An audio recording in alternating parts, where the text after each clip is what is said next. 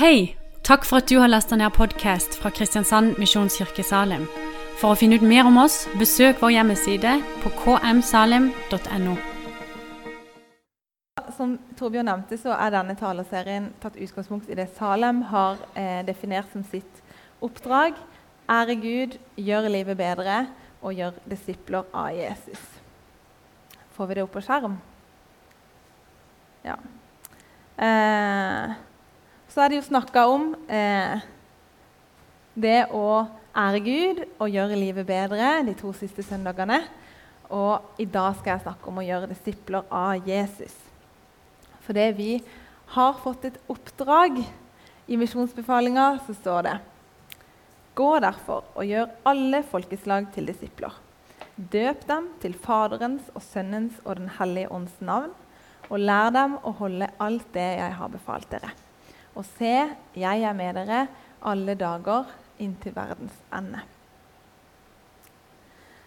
Å være disipler av Jesus det betyr ikke å være en del av en sånn koseklubb der vi bare gjør det vi sjøl har mest lyst til, eller prøver så godt vi kan å rettferdiggjøre det. Å være en disippel, det vil si at vi er her med en hensikt, at vi har fått et oppdrag. Vi skal ikke bare være oss og være fornøyde med det, men vi skal få flere med oss. Når Jesus for opp til himmelen, så sa han nå er det deres tur. Nå er det dere som skal være mine hender og føtter på jorda. Eh, så nå er det vi som skal se den ene sånn som Jesus gjorde, og lede eh, dit til han. Nå er det eh, vår tur. Og for en tillitserklæring og for et ansvar det egentlig er. Altså, Gud elsker hvert eneste menneske så høyt, og dette er så viktig for han. Og det er liv og død som står på spill, og så gir han den, det oppdraget til meg. Eh, da blir jeg litt sånn Er du sikker på at det var så lurt, Gud? Eh, jeg føler nemlig ikke på at eh, dette her er noe jeg mestrer. Eh, jeg jobber i menighet, jeg har nesten bare kristne venner. Eh, vi har hatt en pandemi som ikke akkurat har hjulpet på kontaktflaten. Så jeg kjenner på at jeg har veldig få kontaktpunkt eh, med folk som ikke tror. Eh, men så har jeg jo de siste to årene hatt en lita jente. Og det man merker når man får barn, som kanskje det samme gjelder når man får hund, eller et eller annet sånt, at man kommer jo veldig mye lettere i kontakt med folk. Eh, og eh, folk kommer, Spesielt når hun var liten baby, så kom jo folk bort til oss eh, ofte og liksom smilte og vinka. Og 'Hei, og hvor gammel er hun, og hva heter hun?' Og, eh, og så sa de noe sånt som at liksom, ja, nå begynner hun sikkert snart å krype, og, og for koselig periode du er i. Og, og, så var det enkelt å liksom, eh, komme i prat, for folk kom jo og tok kontakt med oss. I tillegg så har jo hun hele veien vært liksom sånn til å ta kontakt med folk hun ikke kjenner. Og eh, etter hvert som hun ble større, så har vi møtt folk med jevnaldrende på lekeplass og Dyreparken og, og svømmehall osv. Så, videre. så de siste to årene så har jeg jo egentlig fått veldig mange kontaktflater som jeg ellers ikke ville hatt. Jeg eh, har jo fått mange flere muligheter til å snakke med folk og komme i prat med folk. Og Det er jo en veldig god ting, eh, og det burde jeg jo egentlig være veldig glad for. Eh, men så har jeg kjent at det har utfordra meg veldig. Fordi jeg tror jeg som mange av dere kan være frimodig i de settingene hvor jeg er trygg. Men så kan jeg sannelig være veldig redd òg. Eh, og jeg kan veldig fort tenke sånn når jeg er på fart eller har noe jeg skal, så kan jeg veldig fort tenke sånn ja, nei, nå, nå, vil jeg bare få gjort dette. Nå vil jeg bare, nå skal vi gjøre det og det. Og så, så har jeg ikke nødvendigvis Så smiler jeg og nikker og svarer høflig. Men så lar jeg det være med det. For der og da så har jeg ikke nødvendigvis misjonsbefalinga øverst i tankene. Eh, at det blir fort at jeg lar de mulighetene går fram med.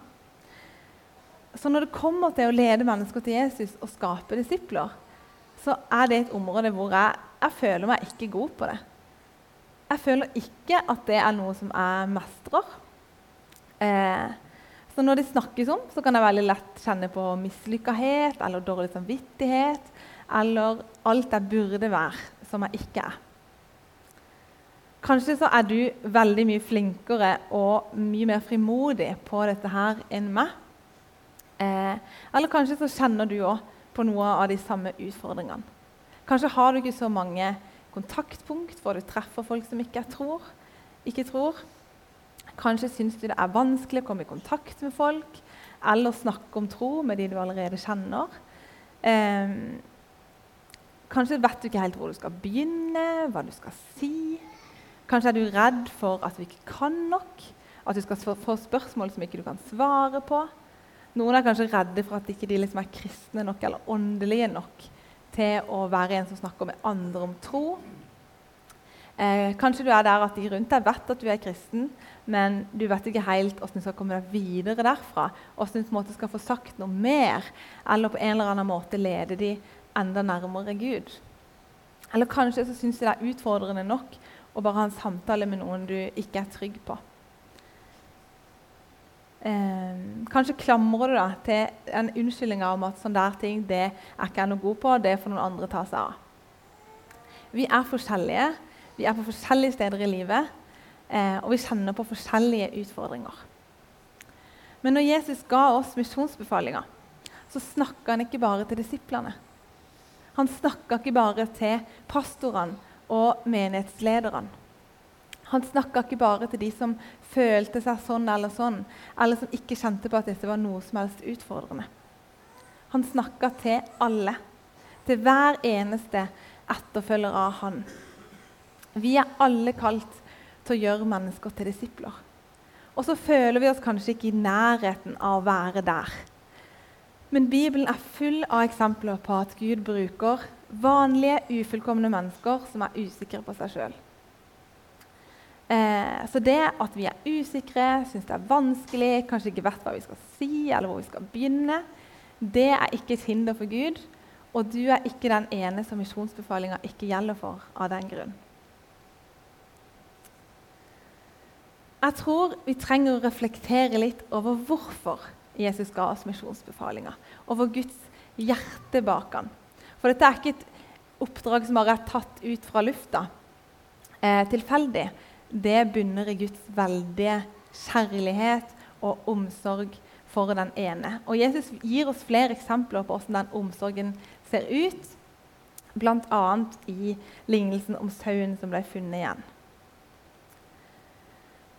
Dersom en av dere eier 100 sauer og mister en av dem, lar han ikke da de 99 være igjen ute i ødemarken og leter etter den som har kommet bort, til han finner den.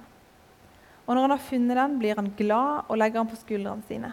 Straks han kommer hjem, kaller han sammen venner og naboer og sier til dem.: Gled dere med meg, for jeg har funnet igjen den sauen som har kommet bort. Jeg sier dere, på samme måte blir det større glede i himmelen over én synder som vender om, enn over 99 rettferdige som ikke trenger omvendelse.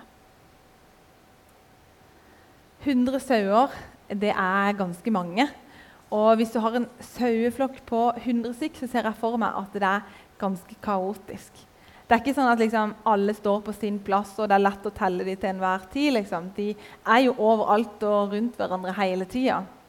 Eh, så hvis jeg hadde hatt en saueflokk på 100 stykk, så tror jeg bare hadde sett at dette er en stor flokk. Og om det hadde vært 100 eller 101 eller 99 eller 98 der, det tror jeg ikke hadde sett forskjell på. Og det er ikke sikkert at jeg heller hadde tenkt at det var så viktig, for å være helt ærlig. Eh, men for Gud så er det ikke sånn. Selv midt i en kaotisk, uoversiktlig eh, saueflokk. Hvis han mister én, så går han på leiting etter den ene. Og Når han finner han, så blir han så glad at han eh, ber alle om å glede seg sammen med han. Gud ser ikke bare en stor flokk. Gud ser mange enkeltsauer. Han ser den ene, og han har sånn omsorg eh, for den ene. Og han merker eh, når den ene er borte. Eh, og uansett hva han holder på med, uansett om han egentlig har hendene fulle med 99 andre krevende sauer, så prioriterer han å leite etter den ene, fordi den ene er så viktig. Men hvorfor er det så viktig at, at for Gud at alle skal være med Han, kan noen tenke. Hvis Han elsker oss, vil Han ikke bare da at vi skal kunne leve livene våre sånn som vi ønsker, ha det bra og, eh, og gjøre det vi vil? Er en veldig vanlig tanke. Eh, er det så farlig? Men ja, det er farlig. Fordi det fins eh, to utganger av livet. Gud skapte eh, en perfekt verden. Gud skapte menneskene i relasjon med han. Det var Guds intensjon med skaperverket. Men i syndefallet så spiste Adam og Eva Adam frukten de hadde fått beskjed om å ikke spise. Eh, og da står det for den dagen du spiser av det, skal du dø. Og det som skjedde da, var at synden og døden kom inn i verden, og relasjonen med Gud ble ødelagt. Eh, og fra da av, siden synden nå var uunngåelig, så ble hvert menneske i utgangspunktet på vei mot døden, mot fortapelsen, mot en evighet uten Gud. Men heldigvis så hadde Gud eh, en plan for å gjenopprette relasjonen med menneskene. Eh, han, eh, eh, planen var at Gud sjøl skulle bli menneske, ta på eh, all vår synd på seg, ofre seg en gang for alle, sånn at menneskene kunne få tilgivelse og være nær Gud. Både i dette livet og i det neste. komme inn i Guds design for livet igjen. Og Det var det som skjedde når Jesus døde på korset. Men forskjellen på Edens hage og tida etter Jesus er at nå har vi et valg. Nå må vi velge. Vil vi ha en relasjon til Gud? Og Måten vi gjør det på, er jo å bare si ja, Jesus, jeg ønsker å ha deg som min herre og frelser. Eh, og sånn eh, gjenoppretter vi relasjonen med Gud igjen.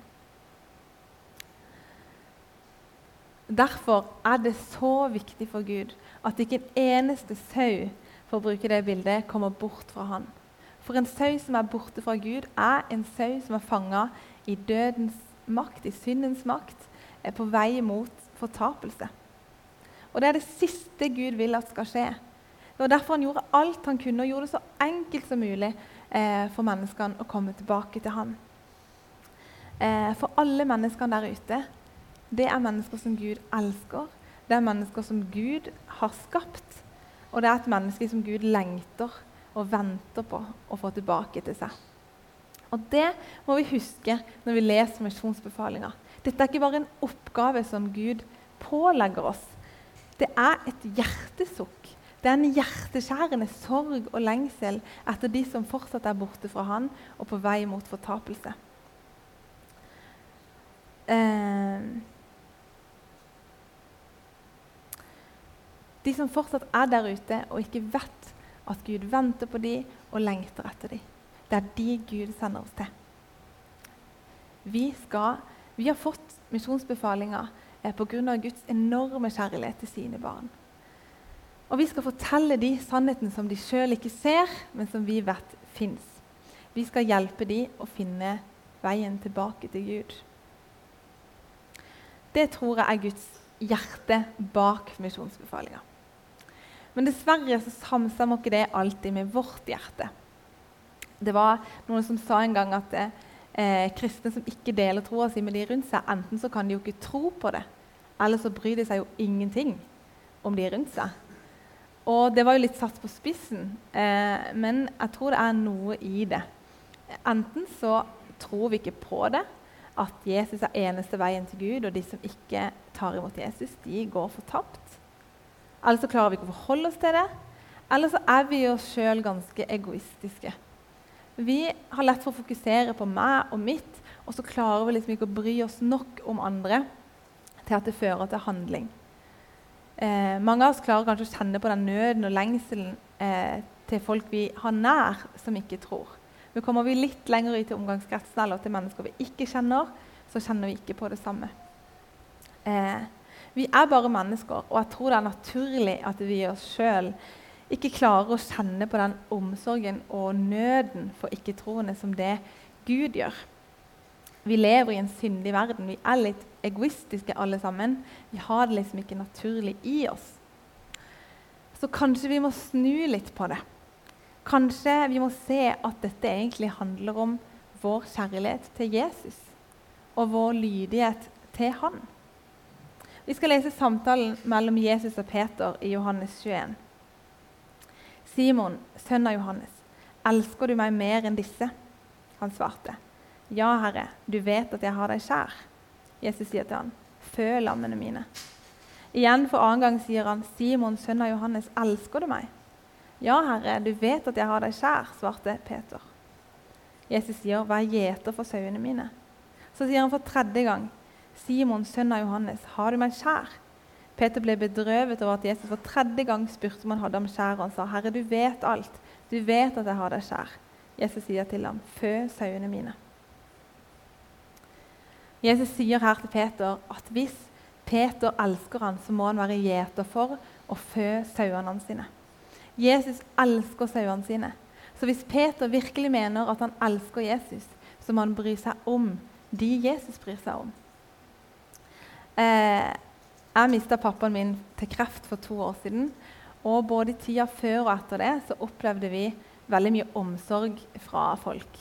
Selvfølgelig fra de som sto oss nær, men også fra folk vi ikke kjente. Blant annet så var det et ektepar der han kjente pappa, som eh, kom med middag til oss eller til mamma på døra fra mange mange måneder, flere ganger i uka fra pappa var syk og til lenge etter han døde. Flere ganger i uka kom med fulle, varme gryter. Vær så god, og henta grytene igjen og tilbake. Og sånn holdt de på. Eh, en, en, annen kollega av pappa han har vært og, og hjulpet mamma masse med praktiske ting. Eh, og Han bor ikke i byen, men hver gang han er i byen, så stikker han innom og hører om det er noe hun trenger hjelp til. og Han har malt garasjene, og han har klippa hekk, og han har eh, rydda bort ting, løfta bort ting, og jeg vet ikke hva. Og Han kommer ofte innom bare uten at noen er hjemme, så har han bare vært der og gjort noe. Eh, og Det var personer som vi ikke kjente, men som kjente pappa.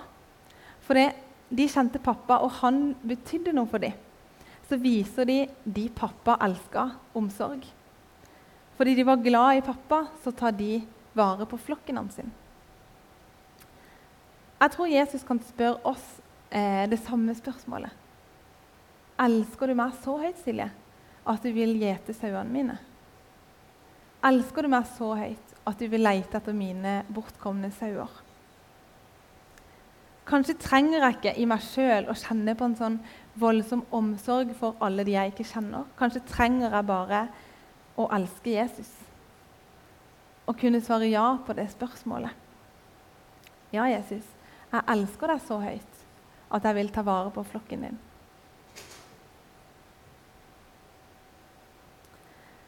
Forhåpentligvis eh, så vil du kunne svare ja på det spørsmålet. Men hva så? Hvor skal vi begynne? Når Jesus kalte de tolv disiplene, så sa han til dem, 'Kom, følg meg, så vil jeg gjøre dere til menneskefiskere.' Og I den setninga ligger det faktisk en slags oppskrift. Jesus sier, 'Kom, følg meg, så vil jeg gjøre dere til menneskefiskere.' Det er kjernen i hva det vil si å leve som disipler. Det er kjernen i hva det vil si å være kristen, og hva Gud kaller oss til å gjøre. For Jesus sender oss ikke ut i dette store oppdraget, oppdraget alene. Han sier, 'Følg meg, så skal jeg gjøre sånn at dere skaper disipler'. Hvis vi skal leve etter misjonsbefalinga, hvis vi skal oppleve vekst, hvis vi skal nå ut til mange og se mennesker frelst, så må vi begynne med det Jesus sa først. Kom, følg meg. Vi må følge etter Jesus, akkurat sånn som disiplene gjør. Vi må leve tett på han. Vi må bruke tid med han. Vi må søke og lengte etter mer av han. Og vi må omgi oss med mennesker som leder oss nærmere han. Så må vi la Ånden fylle oss, sånn at hans frukt kan bli synlig i oss. Vi må koble oss på vintreet. Da vil vi òg, tror jeg, få kjenne på mer av Guds eh, nød og omsorg eh, for de ikke-troende. Eh, men første steg vil være å være sammen med Han og følge Han og la Han og hans egenskaper få prege oss. Men Jesus sier òg eh, så vil jeg gjøre dere til menneskefiskere. Jesus inviterer oss til å bli lært opp. Vi skal ikke bare følge etter. Vi skal være med. Vi skal læres opp. Vi skal gjøres til menneskefiskere. Vi skal læres opp for å gjøre det han gjør. Det er det som er å være Jesu disippel. Gå sammen med han for så å kunne gjøre det samme sjøl. Det er den modellen Jesus bruker. Det er det han gjør med disiplene sine. Hvis jeg vil komme meg fra A til B, så vet jeg jo at jeg bare kan gå dit eller kjøre dit eller eh, ordne det sjøl, så går det fortest mulig. Men eh, når min datter var liten og hun holdt på å lære seg å gå, eh, så hadde jeg mer lyst til å gå fra A til B sammen med henne. Men så holdt hun i hendene og veiledet henne og hjalp henne til å gå. Fordi jeg hadde lyst at hun også skulle lære seg å gå. Eh, og så når jeg har gjort det mange nok ganger, så plutselig så kunne hun gå sjøl. Og så har jeg noe annet som jeg har lyst til å lære henne, som, som jeg vil gjøre sammen med henne. Og, så, og, og sånn er det med Gud òg. Han har lyst til at vi skal være med på det han gjør. Misjonsbefalinga er ikke en oppgave som Gud har ment å legge på oss som en byrde. Eh, det er egentlig en oppgave som Gud allerede holder på med, og som vi får lov til å være med på. Det er ikke sånn at Gud trenger egentlig vår hjelp. Gud jobber allerede i mennesker, eh, men vi skal få lov til å være med på det Gud gjør, på Guds misjon. Så det vi trenger å gjøre, er å se hva Gud allerede gjør, og koble oss på det. Det er ikke vi som skal lede Gud til mennesker, men det er Gud som skal lede oss til mennesker som han allerede jobber med.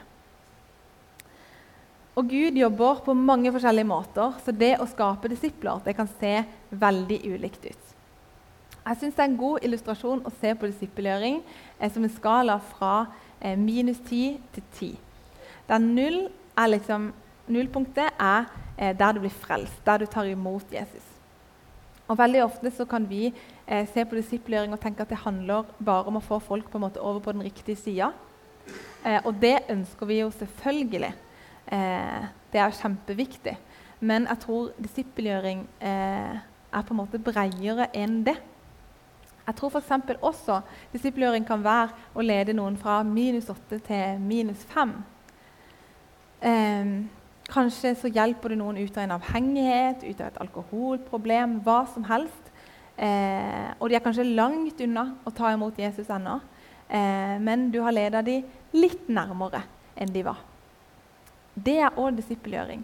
For noen ganger er det vår tur å så, og så er det noen andre som skal få høste. På samme måte så er det òg disippelgjøring å lede noen fra pluss tre til pluss fem. For disippelgjøring skjer jo også innad i menigheten og eh, blant kristne. Eh, kanskje du eh, hjalp noen å finne seg til rette i menigheten. Kanskje du eh, hjalp noen å vokse i tjeneste, vokse i sine gaver. Eh, det kan òg være disippelgjøring. Så uansett hvor du er på den skalaen, så lenge du leder noen nærmere Gud, så er det disippelgjøring. Disippelgjøring handler om å følge Jesus, om å sjøl være kobla på Gud og hans misjon. Og så handler det om å la han få gjøre oss til menneskefiskere. Og Ofte tror jeg det kan handle om å ta de mulighetene eh, han gir oss. For ofte så tror jeg muligheter dukker opp helt plutselig. Plutselig så eh, får du mulighet til å bety noe for noen. Plutselig dukker det opp en person i livet ditt. Plutselig dukker det opp et behov. Plutselig dukker det opp, eller kommer du på noen å be for. Plutselig så finner du deg sjøl i en samtale med eh, en som er åndelig søkende. Jeg tror vi får sånne muligheter hele tida. Jeg tror vi får det mye oftere enn vi kanskje legger merke til.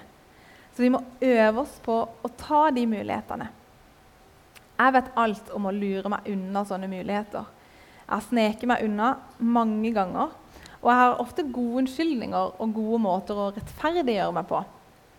Eh, for det er veldig lett å bruke som unnskyldning at man har 99 andre sauer man må ta vare på.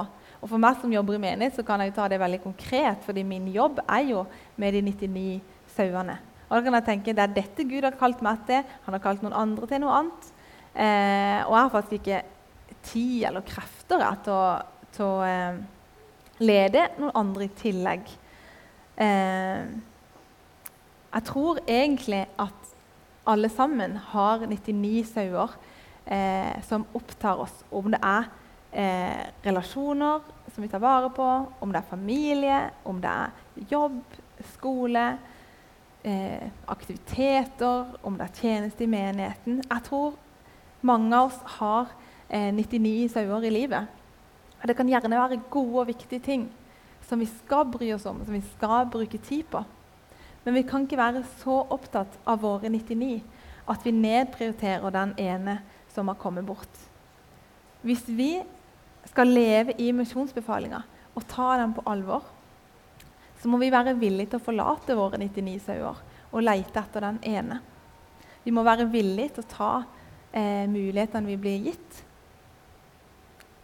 Eh, jeg tror det også kan eh, Jeg tror Gud også kan lede oss på en måte sammen med hverandre. Eh, smågrupper for eksempel, er et veldig godt eksempel på hvordan man kan stå i dette og leve i misjonsbefalinga sammen.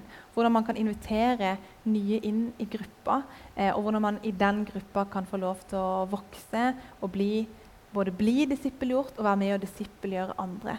Det er òg en veldig ufarlig arena eh, for disippelgjøring, og der man også står flere sammen i det. Eh, så det òg er en sånn helt konkret eh, ting man kan gjøre og hjelpe hverandre med. Tenk bare åssen det ville sett ut hvis alle kristne levde dette her ut. Hvis alle kristne tok misjonsbefalinga på alvor og levde etter den.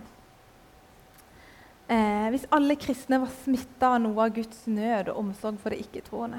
Hvis alle kristne hadde noen andre kristne som de hjalp til å vokse og utvikle seg. Om så alle kristne bare fokuserte på én person, men var påkobla Guds misjon og på det han gjorde. Åssen tror du det ville sett ut? Åssen tror du det ville sett ut i familien din, i vennegjengen din, eh, i menigheten, i byen? Jeg tror vi ville fått sett mye mer av Gud. Jeg tror vi ville ofte fått sett Gud virke rett inn i livene til folk. Eh, og jeg tror vi i menigheten ofte ville sett folk frelst. Jeg tror vi ville sett en enorm vekst. Jeg tror ikke det ville tatt lang tid før eh, det var fullt her. Eh, for hvis alle fokuserte på én person, og man lærte den igjen opp til å gjøre det samme, så ville man multiplisert seg veldig raskt. Og jeg tror det er sånn Gud jobber. Fra enkeltmennesker til enkeltmennesker. Han begynte med disiplene og investere i dem, og etter det så har det gått fra den ene til den andre. Det er det vi er kalt være med på. Vi er kalt til å prioritere den ene sauen, selv om vi òg har 99 andre superviktige sauer. Kanskje sitter du her, og så kjenner du deg som den ene sauen som har gått deg vill. Kanskje er du borte fra Gud enten fordi du aldri har kjent han, eller fordi eh, du har sklidd bort fra han eh, med tida, kanskje. Hvis du er her i dag, så har jeg bare lyst til å si til deg at Gud elsker deg, han lengter etter deg, og han venter på at du skal komme tilbake til ham. Det er ingenting han heller vil enn det. Hvis du har lyst til å si ja til det, enten her og nå, eller når du kommer hjem, eller når som helst, eh, så kan du bare si ja, Jesus. Jeg ønsker å ha deg som herre og frelser. Eh, tilgi meg for at jeg har vært borte fra deg og gått mine egne veier. Så enkelt er det. Og Hvis du har lyst til å snakke med noen eller få forbønn, eh, så blir det forbedret i bønnerommet etterpå. Men kanskje sitter du også her og lever med Gud, men du vet at du er mest opptatt av dine 99 sauer. Kanskje trenger du òg å si ja til Jesus på nytt i dag. Si ja, på, si ja, til Jesus på spørsmålet om du elsker han så høyt at du vil ta vare på flokken hans. sin. At du vil bry deg om og lete etter hans bortkomne sauer. At du vil være med på det Gud gjør i og for mennesker. At du vil være med på muligheten eh, Gud gir deg. At du vil ta oppdraget, misjonsbefalinga, på alvor. Vi skal høre en sang på anlegget nå, og mens vi hører den, så har jeg bare lyst at du skal la dette budskapet få synke inn. Og så har jeg lyst til at du skal tenke gjennom hva som er dine 99 sauer. Og så har jeg lyst til at du skal respondere til Gud på den utfordringa eh, han har gitt deg i dag. Vil du være med på det oppdraget? På det Gud gjør?